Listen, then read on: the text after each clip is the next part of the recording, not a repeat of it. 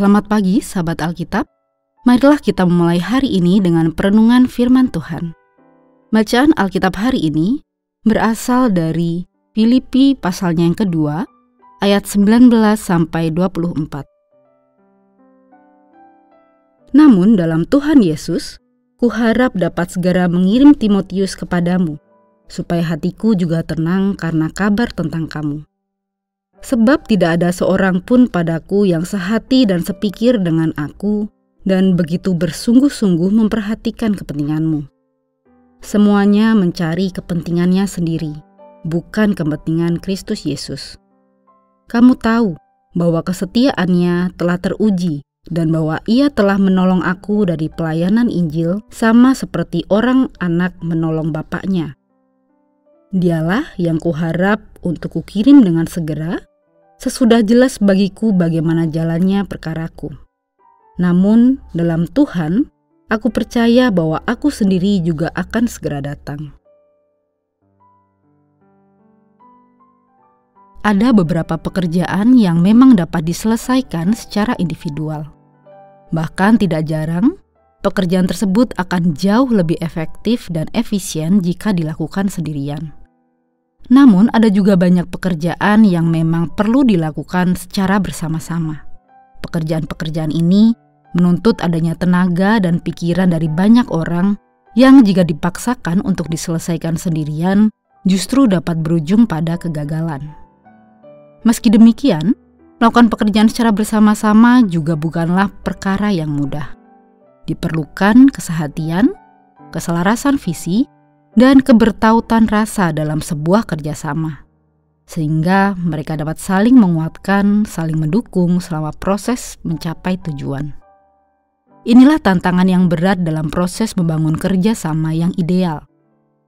Paulus pun mengakui bahwa sangat sulit mendapatkan rekan kerja pelayanan Injil Kristus yang sepadan dengan dia, yakni yang sanggup untuk saling mendukung, memiliki keselarasan visi, dan semangat serta orientasi pelayanan bersama.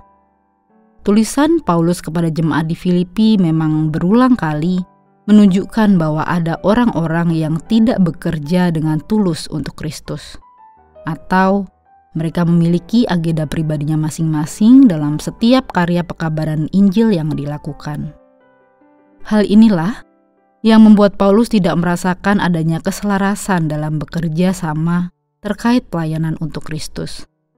Meski demikian, ia sangat bersyukur atas kehadiran Timotius, seorang pekerja Injil yang tulus dan memiliki orientasi pelayanan yang saling mendukung bersama Paulus. Sahabat Alkitab, kita perlu menyadari bahwa ada banyak hal yang tidak dapat kita selesaikan sendirian, sehingga kita membutuhkan kehadiran orang lain demi mengalami keberhasilan.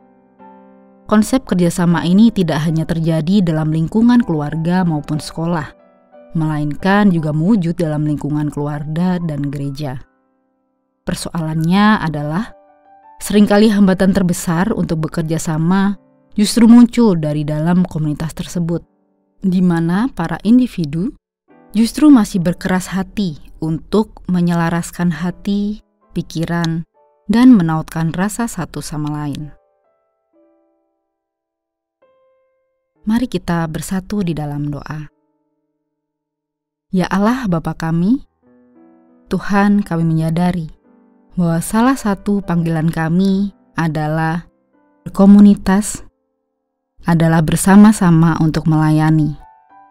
Tetapi Tuhan, kami tentu membutuhkan pertolongan-Mu. Karena dalam kehidupan berkomunitas ketika kami berhadapan dengan beragam pribadi, tidak mudah untuk kami dapat menyelaraskan hati, tidak mudah untuk kami dapat saling terbuka. Oleh karena Tuhan, kami mohon Engkau sendiri yang hadir di tengah-tengah kami, Engkau yang hadir di tengah-tengah komunitas beriman kami, supaya kami memiliki kerendahan hati untuk mau saling mendengarkan, untuk mau saling menyelaraskan hati untuk visi bersama yaitu bersama-sama melayani demi kemuliaan namamu. Tuhan, inilah doa kami. Dalam nama Tuhan Yesus Kristus kami berdoa. Amin.